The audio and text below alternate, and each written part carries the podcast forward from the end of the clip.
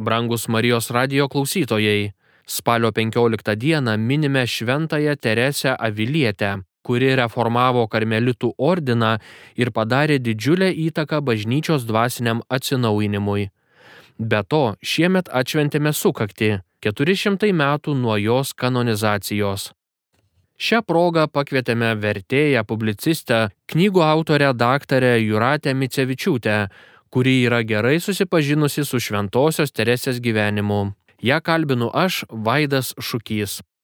Taigi, kokia Šventojios Teresės veiklos reikšmė? Sveiki, mėly Marijos radio klausytojai. Esu labai dėkinga laidos rengėjams, kad pakvietė mane dar kartą pakalbėti apie Šventą Teresę Vilietę. Tai visada yra man didžiulė laimė ir džiaugsmas.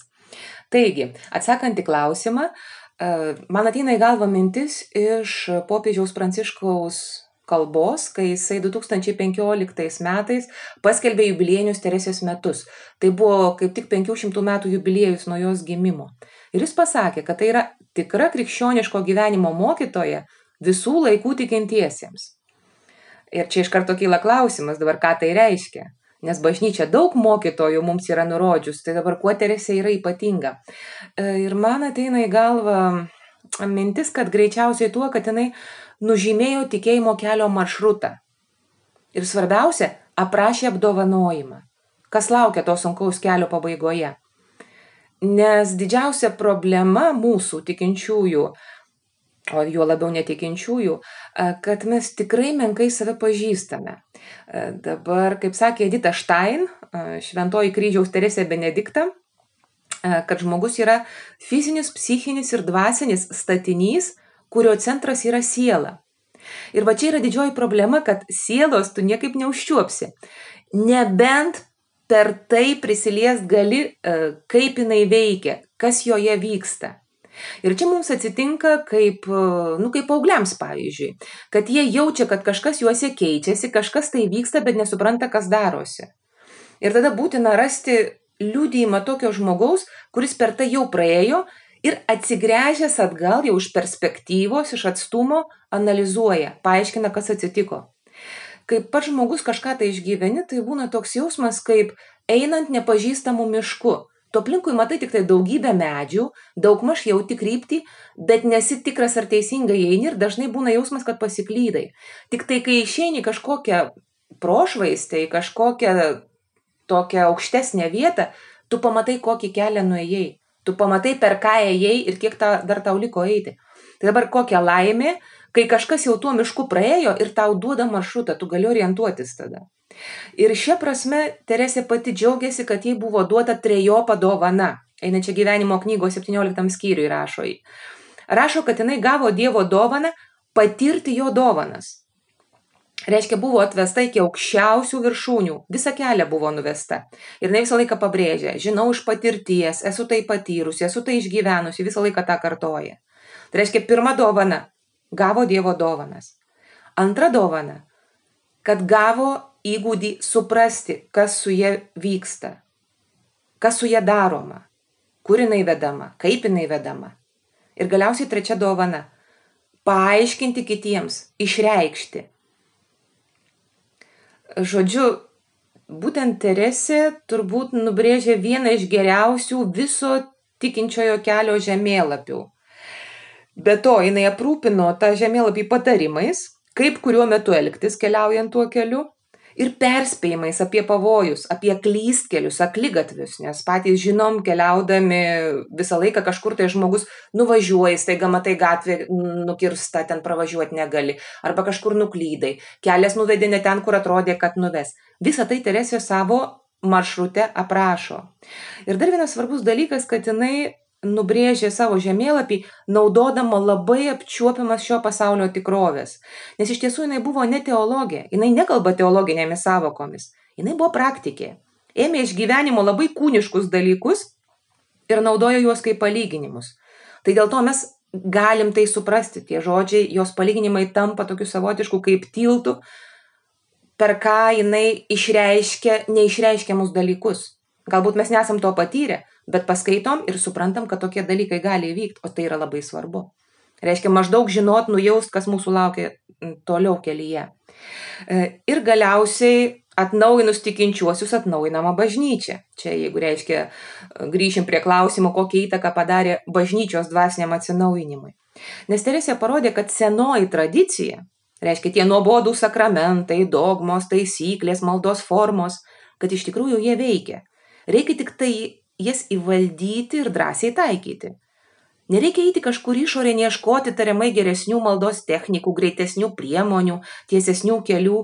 Viską jau turim namie. Imkim ir naudokim, suveiks. Kaip jinai pati sako, vidinės pilies buveinėse, čia septintam, septintose buveinėse ketvirtas skyrius, sako savo seserims. Trokškime maldos ir jai pasišveskime. Nenorėkime eiti neišvaikščiotų kelių, nes pasiklysime, kai mažiausiai to tikėsimės.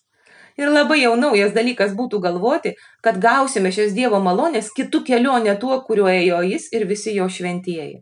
Tai čia turbūt yra didžiausias jos pamokymas mums. Kokią įtaką ši vienuolė padarė pasauliečiams? Pati Teresė iš pradžių mane, kad rašo savo vienuolėms. Pavyzdžiui, jeigu mes atsiversim vidinės pilies buveinės, prologo ketvirtą skyrių, ten skaitom. Pasak mane įpareigojusio rašyti, mūsų Karmelio kalno karalienės vienuolynuose gyvenančioms vienuolėms reikia, kad kas nors išsklaidytų su malda susijusias abejonės.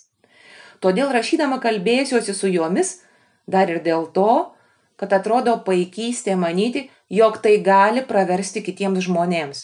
Matot, jinai čia tiesiog mano, kad kitų žmonių tai nedomins, kad šitas kelias negali, negali suveikti kitiems žmonėms.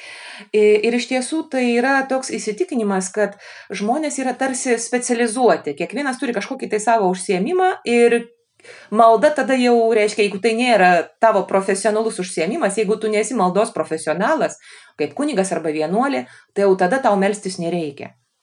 Tai tuo metu 16 amžiuje, kai gyveno Teresė, šis įsitikinimas buvo labai, labai įsigalėjęs. Ir netgi galima sakyti, kad jinai savo vienuolynus galėjo įsteigti dėl to, e, kad gausūs mecenatai, reiškia fundatoriai, steigėjai, kurie duodavo pinigų jos e, steigimams, jos vienuolynams, jie tiesiog norėdavo, kad už jų sielas kažkas kitas labai profesionaliai pasimelstų. Reiškia, mes patys nesimeldžiam, laiko neturim, bet vat, labai tokios geros vienuolės kruopščios už mus tą padarys.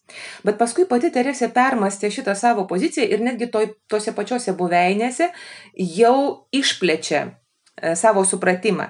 Ir sakykim, e, jeigu mes pažiūrėsim ketvirtosiose buveinėse, trečiam skyriui, jinai jau įtraukia ir santokoje gyvenančius žmonės. Štai kaip jinai rašo. E, esu įsitikinusi, kad jo didenybė paprastai suteikia šią malonę žmonėms jau po truputį atsižadantiems pasaulio dalykų. Nesakau, kad tie, kuriuos jų padėtis įpareigoja gyventi pasaulyje, įpareigoja padėtis, tai reiškia, jie yra susituokę, negali išeiti vienuolyną. Nesakau, kad jie turi tai padaryti iš tiesų, reiškia atsitraukti, atsižadėti, bet jie gali pasitraukti to trokšdami. Juos Dievas ypač kviečia atkreipti dėmesį į vidinius dalykus. Ir paskui dar toliau penktosiose buveinėse jau jinai kalba, kad jos žinia yra skirta visiems krikščionims. Tad prašau jūs viešpaties iki čia atvestos krikščionių sielos, dėl jo neapsileiskite ir venkite pavojų ir taip toliau. Tai reiškia, toks universalus suvokimas tuo metu buvo naujas, naujas ir mūsų laikais. Kad reiškia, šitas kelias, kurį prašė Teresė, yra skirtas kiekvienam iš mūsų. Tik tai tiek, kad ne visus vienodai toli pavėdėja Dievas. Kiekvieną veda iki ten, kur, kur jis gali nueiti, kiek jis gali pasiekti, kiek jis gali priimti. Reiškia, pagal mūsų tos vidinės stiklinės erdvumą mums yra įpilama daugiau arba mažiau. Bet e, kas yra nuostabiausia, kad Teresės e, tas nubrėžtas maldos maršrutas, tikėjimo gyvenimo maršrutas, jis yra labai praktiškas ir neįmantrus. Reiškia, galima ir reikia praktikuoti jos patarimus, sukiojantis tarp puodų ir skaičiuojant pinigus. Tai čia tokiam išsiblaškiusiam žmogui kaip aš ir kaip daugybė iš mūsų yra puikiausia išeitis ir, ir tikrai puikus sprendimas. Kaip jūs įsimylėjote Šventą Teresę Avilietę? Įsimylėjau Teresę Avilietę turbūt kaip tik dėl tokio jos praktiškumo, kad jinai e, prabilo man kaip e, pasaulyje gyvenančiai moteriai, susituokusiai, kuri sukiojosi tarp puodų, skaičiuoju pinigus, reiškia normalus gyvenimas. Ir jinai kalba būtent tokia, tokiame normaliame gyvenime nuostabus reikalas. Nes matot, jeigu aš tik tai matau šventąjį altorių, jie ten iškeltą aukštai, ten akytės į dangų užverstos, ten toks baisiai pamaldus, tai man jis yra mažai įdomus, nes aš nesuprantu, kaip jis ten ant to altoriaus buvo užkeltas, koks buvo jo kelias. Bet vat, kai Teresė kasdienybėje, pavyzdžiui, pamatai, čia jau kitas reikalas. E, ir iš tiesų esu be galo dėkinga Katalikų pasaulio leidinių direktoriai Birutei, kad prieš e, jau beveik dešimt metų jinai pasiūlė man versti buveinės ir tai buvo labai sunkus darbas, toks labai, labai daug iš manęs pareikalavęs ir jėgų, ir laiko, bet kartu nu, gavau nuostabią bičiulę danguje, nes įsiskaitai į Teresės veikalą, įsijauti kiekvieną žodį, nes niekas neperskaito knygos geriau negu vertėjas, nes tu turi kiekvieną žodį išversti, netgi tokius dalykus, kurių tu nesupranti, ką verti, nes nu, tokios, tokios aukštos patirtys, tokie išgyvenimai, čia kur čia man. Bet išgyveni kiekvieną žodį, įsigyveni kiekvieną žodį ir atsiranda bičiulystė. Nuostabus reikalas. Kas jūs stebina šventosios Teresės gyvenime? Jos gyvenime mane labiausiai nustebino drąsa. Čia jūs turbūt nusišypsosit, nes sako, žmogus labiausiai susižavi tuo, ko jam pačiam trūksta. Bet tuo metu, kai verčiau buveinės ir kai e, tyrinėjau, rinkau medžiagą apie Teresės gyvenimą, mane labiausiai nustebino tas ryštingumas, jos narsa. Ir pavyzdžiui, savo knygos 17 Šventos Teresės miestų, netgi šitai knygai epigrafų pasirinkau jos žodžius iš steigimų knygos, štai ką jinai sako tikras gyvenimas yra gyventi taip, kad nebijotume mirties nei nieko, kas gali gyvenime nutikti. Ir išlaikyti šį paprastą linksmumą, kurį dabar visos turite. Ir jokia gerovė nebus didesnė nei tų, kurios nebijo neturto, bet priešingai jo trokšta. Kas gali prilygti vidiniai ir išoriniai jūsų ramybei? Jūs pačios nusprendžiate, ar su ja gyvensite ar mirsite. Jei visą laiką prašysite Dievą, kad jumyse tai tobulintų ir visiškai nepasitikėsite savimi, jis netims iš jūsų savo gailestingumo. Jei pasitikėsite juo ir būsite narsaus būdo, jo didenybė labai tai mėgsta, nebijokite, jums niekuomet nieko nepristiks. Galingi žodžiai. O ypač kai pamatai, kad jinai juos įgyvendino savo, savo kelyje. Nes žiūrėkit, jinai radikaliai pakeitė gyvenimą sulaukusi 47 metų. Tai jau mūsų laikais mes jau pradedam truputėlį galvoti apie pensiją ir kaip čia reikėtų pailsėti, kaip čia reikėtų kokiam fondui pinigėlius pasidėti ir taip toliau. Mes ruošiamės poilsiui, tokio jau artėjant prie 50. Tais, me, tais laikais, kai jinai gyveno 16 amžiuje, jau reikėjo įkapės būti pasiruošus, nes žmogaus vidutinis amžius ir buvo kažkur 50 metų. Bet to jinai labai sunkiai sirgo nuo 20 metų, kai išgyveno keturių parų komą. Ir jinai išėjo iš saugumo. Taigi jinai turėjo garantuotą gyvenimą. Gyveno kaip ponia dideliam vienuolynė. Ten geras kraitis jai, užtikrino labai patogias sąlygas, turėjo dvi aukštę celę, netgi savo koplytėlę melstis turėjo vietą. Ir jinai išeina iš to saugumo į nuotykį. Ir tada 20 metų kamuojasi, steigia vienuolynus, nuvažiuoja tūkstančius kilometrų. Tai dabar toksai gyvenimas išmoko pirmiausiai nebijot fizinių sunkumų. Nes Teresė, kas jos laukia? Baisūs keliai, ten banditai knipždėjo tuose keliuose. Dar baisesnės užėgos, tai dabar ten permėgot vargšiam vienuoliam, ten kažkokiam kambarėlį, kai ten apačioj smukliai ten pešasi, ten peiliais e, badosi, e, prisigėrė, prisigėrė klientai. Tada badas, lygos. Jis viso to nebijojo. Kitas dalykas, jinai nebijojo galingųjų, šio pasaulio galingųjų susirašinėjo su pačiu karaliumi, jeigu kažko tai reikėdavo, tikrai nebijodavo jo paprašyti. Tada įsteigė netgi du vienuolynus prieš karinių ordinų valią, reiškia riterių ordinai. Tikrai didžiulę galę turėjo, bet ne vis tiek įsteigė du vienuolynus.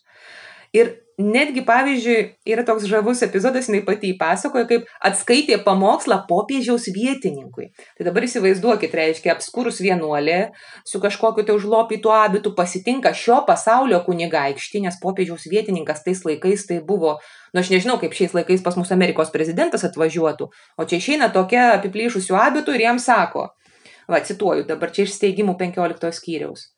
Jam su manimi susitikus pasakiau, Koks tai nepakenčiamas dalykas, kai atsiranda taip griežtai, tobulai ir uždarai norinčių gyventi moterų, o tie, kurie nieko panašaus nedaro ir tik save lepina, nori sutrukdyti tokią didelę tarnystę mūsų viešpaties šloviai.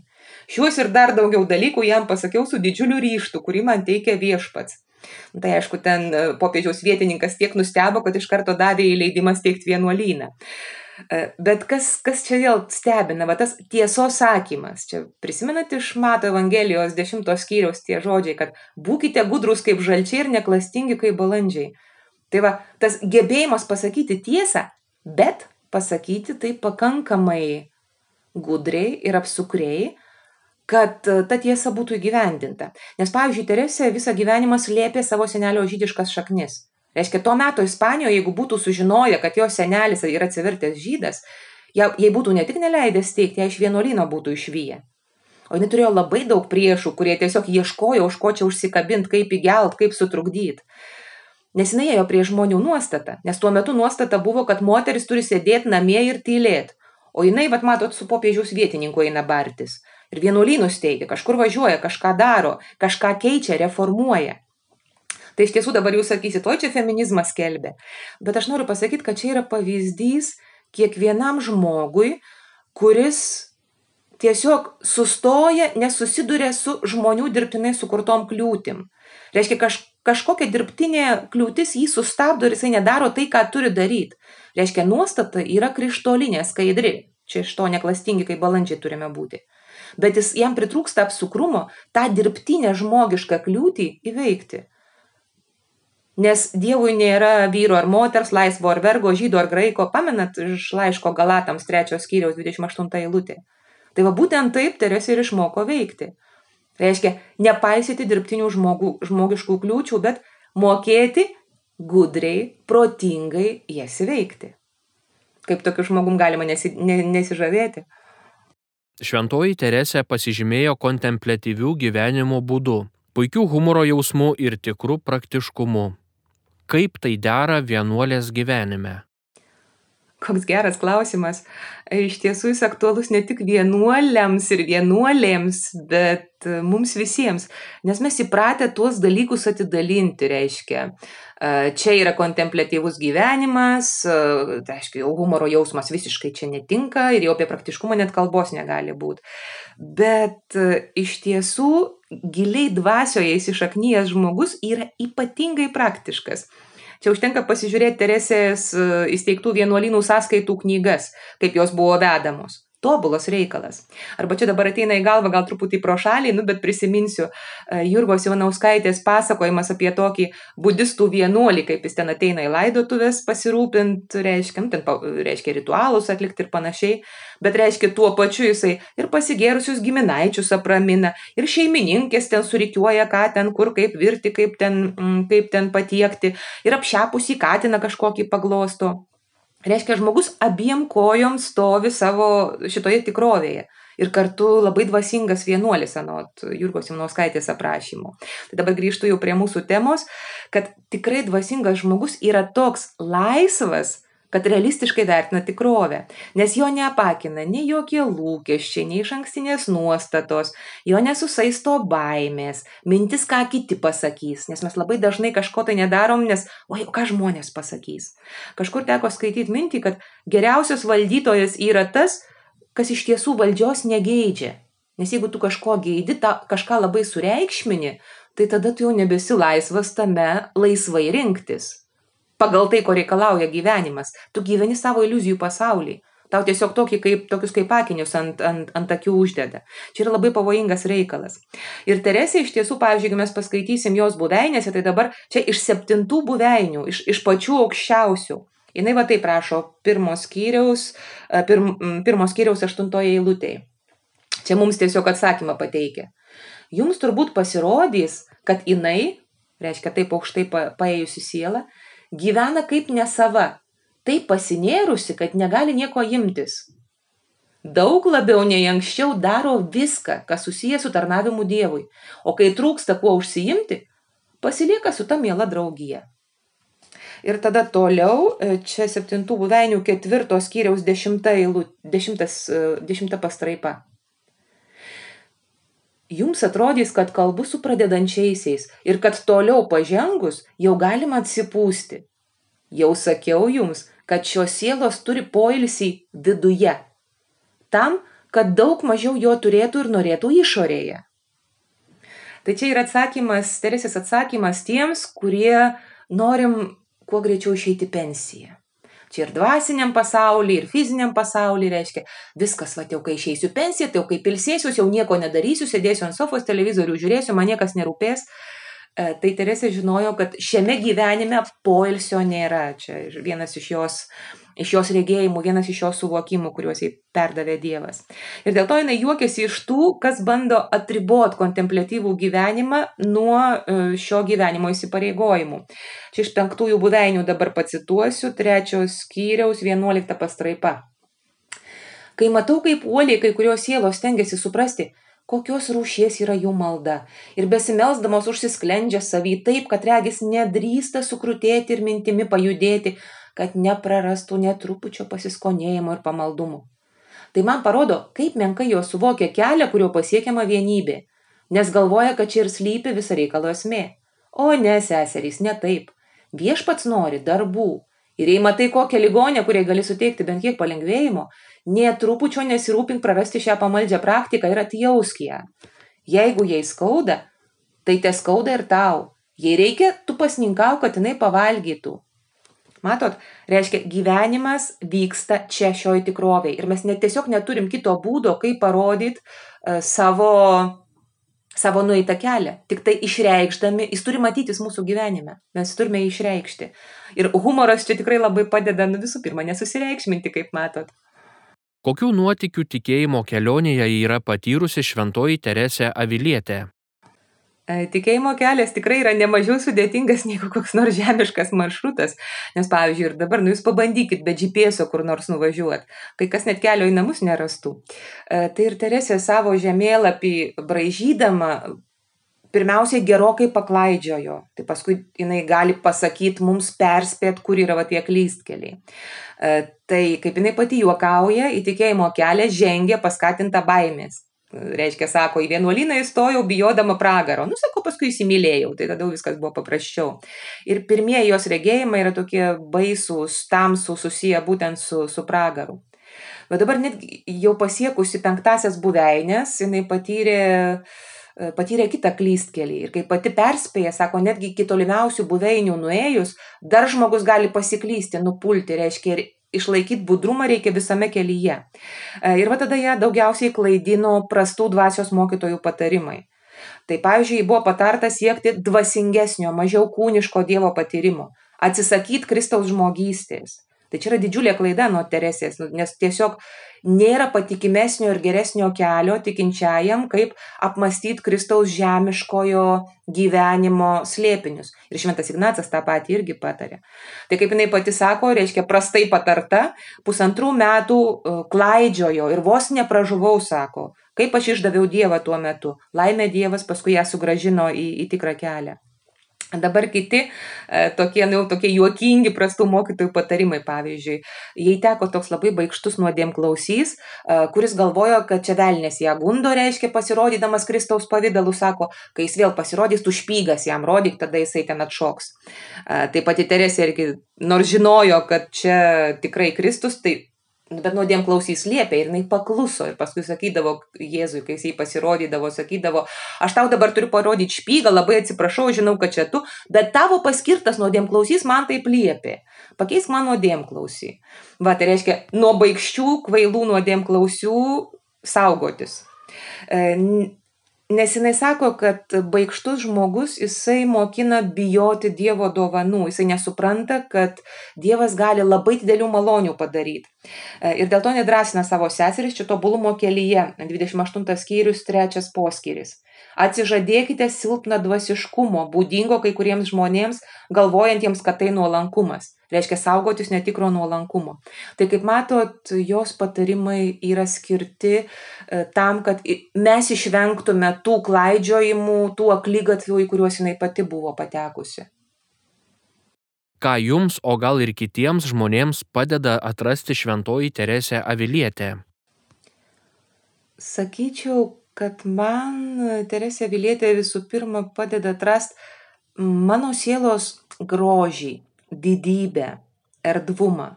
Čia vėlgi, kaip sakė Dita Štain, kad tai yra patologiškas dalykas, kad žmogus nepažįsta savo namų. Reiškia, turi puikią pilį, o gyvena jos išorėje. E, ir problema yra ta, kad mūsų siela dažniausiai būna taip apsivėlusi tais išoriniais dalykais, visokie lūkesčiai, baimės, ko mes tikimės, dėl ko mes gailimės, ko mes trokštame, kad mes tiesiog nepajėgėme mąstyti ir jausti savęs atsietai nuo šitų dalykų. Tarsi mūsų siela, bet visas šitas gyvenimo purvas ir rūpeščiai ir būtų. Kad, o tai yra iš tiesų yra kai kas daug daugiau. Nes vėlgi, kaip Teresė taip labai jokingai sako, sako, nesame tuščia vidūriai. Nu, va, atrodo toks paprastas dalykas, o mes, o mes jo nežinom.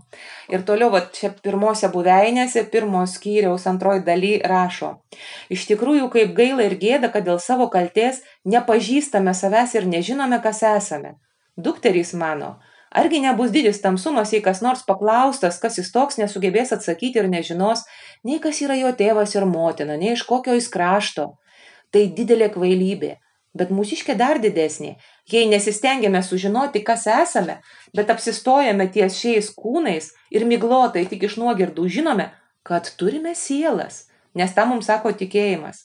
Retai susimastome, kokie turtai glūdi mūsų sieloje, kas yra tas, kuris joje gyvena ir kokia didelė jos vertė. Todėl taip menkai stengiamės išsaugoti jos grožį. Visas mūsų rūpestis skirtas kūnui, kuris yra tik tai grubus deimanto aptaisas ar šią pilį supantis mūras. E, ir paskui, e, vad kaip tik jinai sako, čia pačioj pradžioj. E, pradėsiu nuo to, kas svarbu. Į savo sielą turime žvelgti kaip į pilį, kuri visa iš deimanto ar tyriausio krištolo ir kurioje yra daugybė kambarių, kaip danguje yra buveinių. Pamenat Jono Evangelijoje 14 skirelį čia parašyta.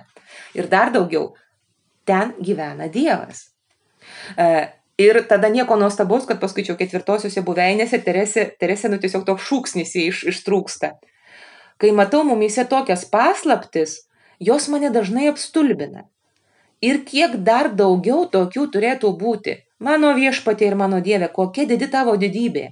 O mes čia žioplinėjame kaip kvaili piemenukai ir manome, kad šitą apie tave suprantame. Tačiau tai tik niekų niekas, juk ir mumyse esama didžių paslapčių, kurių nesuvokiame. Tai va, tai Teresė visų pirma kalba tokio to žmonėms, kad mes atkreiptume dėmesį į tai, kas yra mūsų viduje, Ir jau kai išgirstame va tą šaukiantį balsą, žinome, kad viduje yra lobiai, galbūt mes praversime tos pilies duris ir iš šaltos, tamsios aplinkos įžengsime į tą savo vidinę pilį. E, ir tada vatinai sako, kad kalbėkime toms sieloms, kurios galiausiai įžengia į pilį.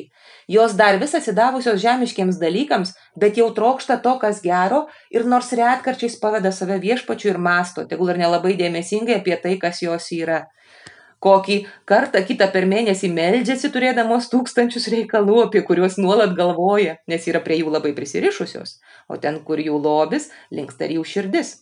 Kartais joms pavyksta išsilaisvinti iš tų rūpešių ir labai svarbu, kad jos pažįsta save ir supranta neinančios tuo keliu, kuris veda link pilies vartų. Galiausiai jos įžengia į pirmuosius žemutinius kambarius ir taip toliau. Čia toliau jinai kalba apie tikėjimo sunkumus. Tai va, čia vienas toks atradimas, kad Mūsų viduje yra nuostabi pilis, nesame tuščia viduriai.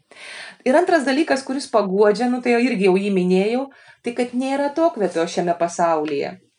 Kaip sakiau, o kai žmogus kažko tai nesitiki, tai tada ir nenusivili. Nes kitaip mes sakytumėm, va, čia norėjau pailsėti, o čia vėl dirbti reikia rūpintis. Va, o jeigu to nesitikė, tai viskas tvarkoj. O be to Teresė paguodžia, nes jau čia epiloge antram skirelį jinai rašo.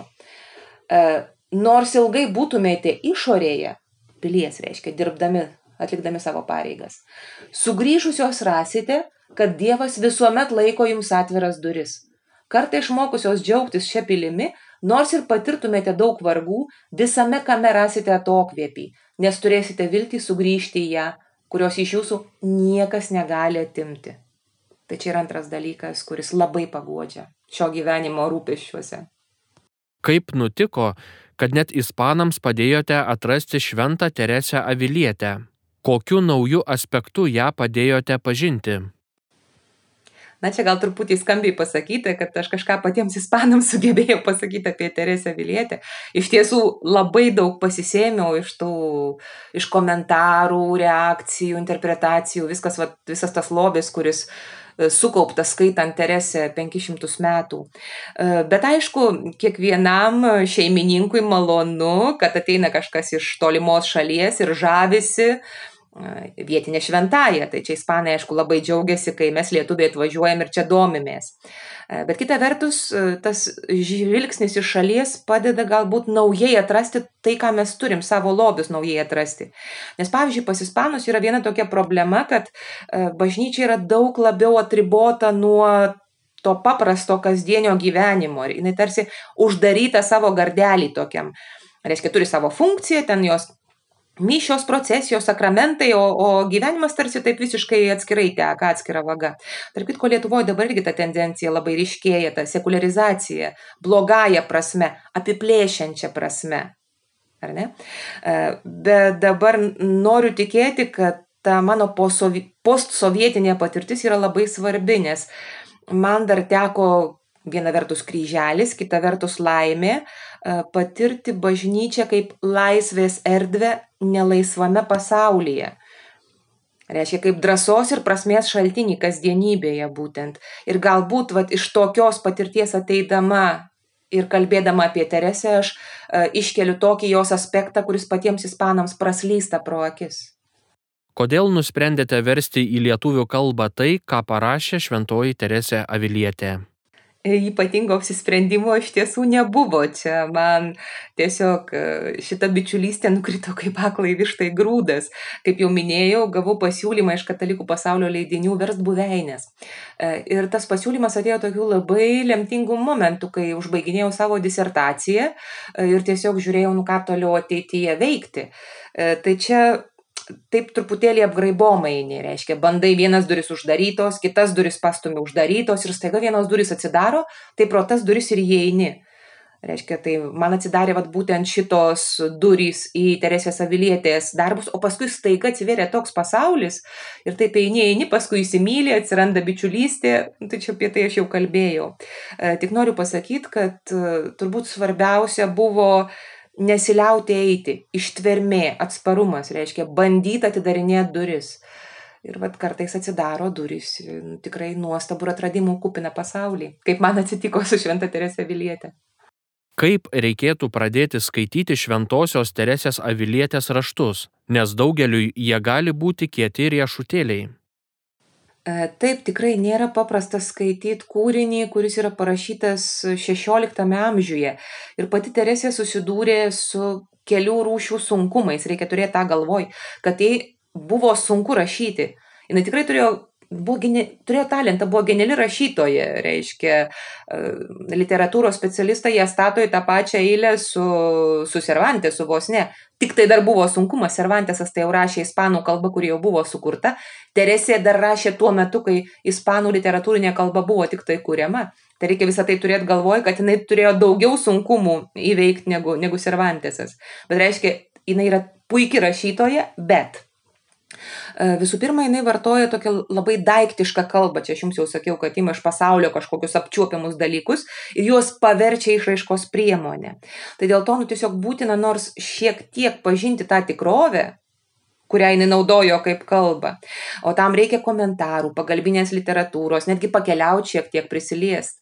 Tai čia kaip tik paskutinės piligriminės kelionės metu pasakojau apie tokį netikėtą žodį, kuris sukėlė labai daug problemų verčiant buveinės, pavyzdžiui, į lietuvių kalbą. Ta žodis buvo vandens talpykla.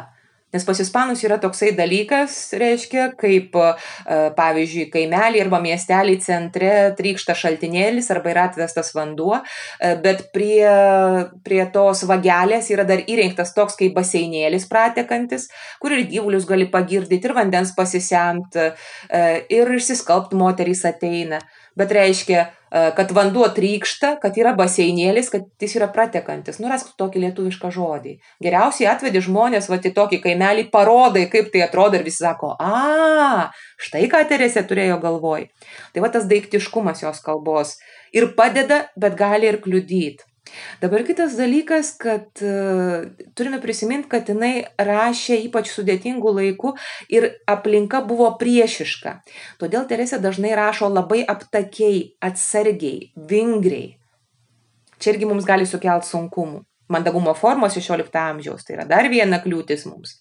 Ir galiausiai, kad jinai pati rašė apgraibom ieškodama kelio, ieškojo būdo, kaip išsakyti tai, kas neišsakoma iš tikrųjų. Jūs pagalvokit, apie ką jinai rašo. Tai kaip mes norim iš karto, va atsisėdom ir viską supratom. Čia apie tai net svajoti yra nerealistiška. Tai dėl to netgi vad jinai jau patyrus praėjus, tai kelis kart kartoja, pasitelkia įvairius palyginimus, kai kurie ne visai taiklus, jinai juos atmeta. Tai matot, kiek yra sunkumų. Nenuostabu, kad tikrai nusunkiai skaitosi jos veikalai. Tai dabar sprendimas skaityti lietai, sustojant panalizuot, komentarų pasieškot, e, išrašyti atradimus savo žodžiais, tokį kaip konspektą pasidaryti labai naudinga. O visų geriausia yra skaityti su grupelė ir vadovu. Vat aš čia Ispanijoje tokiu būdu skaičiau Teresės gyvenimą, nuostabi patirtis visai kitaip atsiveria. E, ir čia pavyzdžiui pavasarį Katalikų teologijos fakultete e, online siūlau nedidelį tokį kaip kursą kartu skaityti e, Teresės veikalus. Čia neformaliųjų studijų skirelį, jeigu kažkam įdomu, pasižiūrėkit, ten bus informacija. Tai tiesiog kvietimas drauge perskaityti ir atrast e, Teresę. Palydite piligrimus Šventojios Teresės keliais Ispanijoje. Ką galime pasakyti apie vietas, kuriuose gyveno šventoji? E, jos gyventose vietose išliko tiek daug jos pėdsakų, kad jautiesi lyg pas ją pabuvęs svečiuose, kavos išgėręs kartu. Ką ten kavos, visą, visą naktį ten prasidėjęs pas ją kambarėlį ir, ir, ir praplepėjęs ten arba ten kelias naktis. Žodžiu, man asmeniškai ten tikrai pravažiuot jos e, gyventomis vietomis, pabūt ten, apžiūrėt buvo geriausias įvadas į jos veikalų kalbą ir tikrai labai padėjo verčiant, e, verčiant buveinės. Na, aišku, būdas susibičiuliauti su žmogumi, nes, nu, tu jį matai jo aplinkojo, kasdienybės daiktus matai, ten beveik pačiupinėt gali. Be to, jinai daugiausiai veikia Kastilijoje, o tai yra Ispanijos širdis. Reiškia, tokie miestai kaip Toledas, tokia Ispanijos sostinė, nu, tiesiog širdis, Salamanka, kur protas Ispanijos yra. Juose tebe pulsuoja istorija. Net keturi miestai, pavyzdžiui, yra UNESCO žmonijos paveldų paskelbti, bet mes ir mažus miestukus lankom. Ten, pavyzdžiui, gali pasižiūrėti, kaip vandens talpykla atrodo, kokia atšiauri yra Ispanijos žemė, kaip jinai perdžiūvus, kokia akmenuota, kaip sunku ten kažką iš, iš, išlaužti to žemės, kiek prakaito reikia išlieti, kad tu ten duonos kasnelį užsiaugintum. Ir tada tu supranti, kokioj dirvoj išdygo ne tik tai šventos Teresės veikalai, bet ir švento Ignaco, pavyzdžiui, palikimas, visas Jėzaus draugijos idėja, tridento idėjos. E, tos, ta, ta donkichotiška Ispanija, ta dvasinės ir terystės idėja, nes jūs pagalvokit, reiškia, Ispanijoje iki šiol egzistuoja keturi vienuolių karių ordinai. Ispanijoje įsteigti ir iki šiol gyvuoja. Nu, tai šiais laikais čia yra truputį toksai kaip formalus tas priklausimas, bet buvo laikas, kai tikrai labai realiai veikė. Reiškia, Jokūbo, Alkantaros, Kalatravos ir Montesos ordinai. Plus buvo dar trys, kurie vėliau buvo integruoti į tamplierius. Tai, tai tokius dalykus tu gali suprasti tik tada, kai tu juos pajunti, reiškia, ir dar vienoj bažnyčioje matai, kad kartojas, ir dar kitoj grafitis kažkoks tai nupieštas. Ir tada tu supranti, kokioj žemėj tu e, vaikštai. Tu supranti, kodėl būtent tokioj žemėj e, išdygo būtent toks dvasingumas. Tikrai labai praturtinanti patirtis. Kuo piligrimai dažniausiai domisi? E, turbūt labiausiai mus pribloškia toks ispanų religinių formų kūniškumas, nes jie viską nori pačiupinėti, viską nori išgyventi. E, ir čia vienas konkretus dalykas, va, pavyzdžiui, labai sukrečia iš pradžių, e, tai relikvijų kultas. Nes kai mes lankom, pavyzdžiui, Teresės kryžiaus Jono gyventas vietas, tai visą laiką ten matai, surandi gal, galiausiai kažkokią tai vitriną, kur yra išstatyti. Čia raumens gabaliukas, čia pirštelis, čia kažkoks kauliukas. E, arba kaip pasakoju, kaip ten buvo pjaustomas gabalais, dalinamas ir išnešiotas ir Teresės kūnas, ir kryžiaus Jono kūnas Tai aišku, iš pradžių tai atstumia ir sukelia tokį, nu, kaip pasipiktinimą maždaug, nu, tokį nepagarbą, nu, kaip, kaip galima žmogui net, nu, po mirties ramybės neduoda ten visai kaip taso ir, ir į gabalus plėšo. Kas čia, kas čia per toksai dvasingumas. Bet paskui kažkaip pamažu bandai suprasti e, ir daug kam atsiveria. Nu, pavyzdžiui, e, ką iš tiesų reiškia tai, ką mes tikėjimo išpažinime kartojam, kad mes tikime kūno iš numirusių prisikėlimu. Tai dabar va šitas pirštukas prisikels, va šitas kaulelis prisikels, kažkaip tokios mintys ateina į galvą keistos. Arba kai prisimeni, kad mystikai Dievo malonę jaučia, čia kryžiaus Jono žodžiai, iki kaulų čiulpų, Teresė irgi apie tai kalba, kad reiškia persmelkia visą pilį, ten ta malonė išsilieja.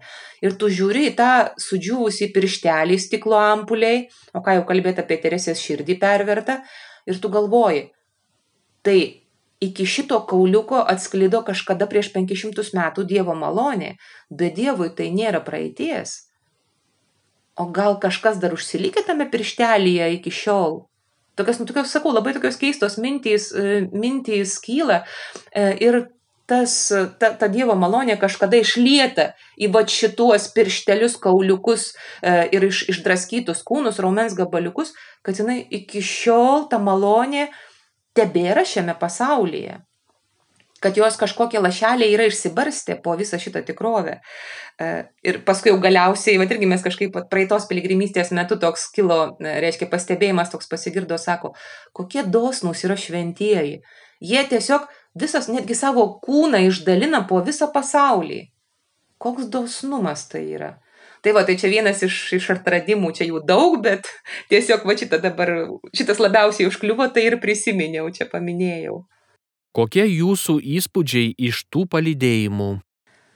Esu labai dėkinga žmonėms, kurie atvažiuoja iš tas piligriminės, e, nes tiesiog kiekviena kelionė man pačiai būna pilna atradimų, tokių netikėtumų, rodos jau, jau dešimtą, ten penkioliktą kartą eini tom pačiom vietom, pasakoji tą pačią istoriją, jau aš pati savo nuobodė atrodau, o paskui koks nors žmogus kažką pasako ir tu pamatai, nu, visiškai iš naujos pusės ir tą vietą, ir, ir tą savo pasakojimą kažkaip tada paskui praturtini.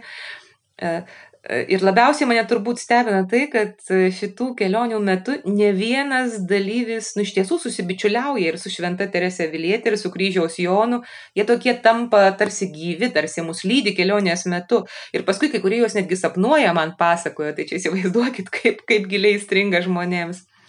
Bet nuostabiausia, kad dalyvis dažniausiai užkabina ir užkalbina tokie dalykai, kurie man yra visiškai netikėti. Kažkoks susitikimas, atsitiktinai kažką tai lepteliu, pavyzdžiui, nu laiką užpildyti reikia, mes ten kažkur stovim, reikia kažką papasakot, ai galvoju, va tą papasakosiu.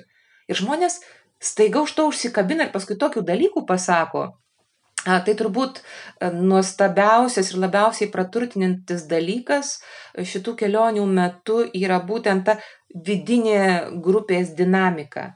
Kaip mes dalyjamės ir padedam vienas kitam atrasti, žiūrėti.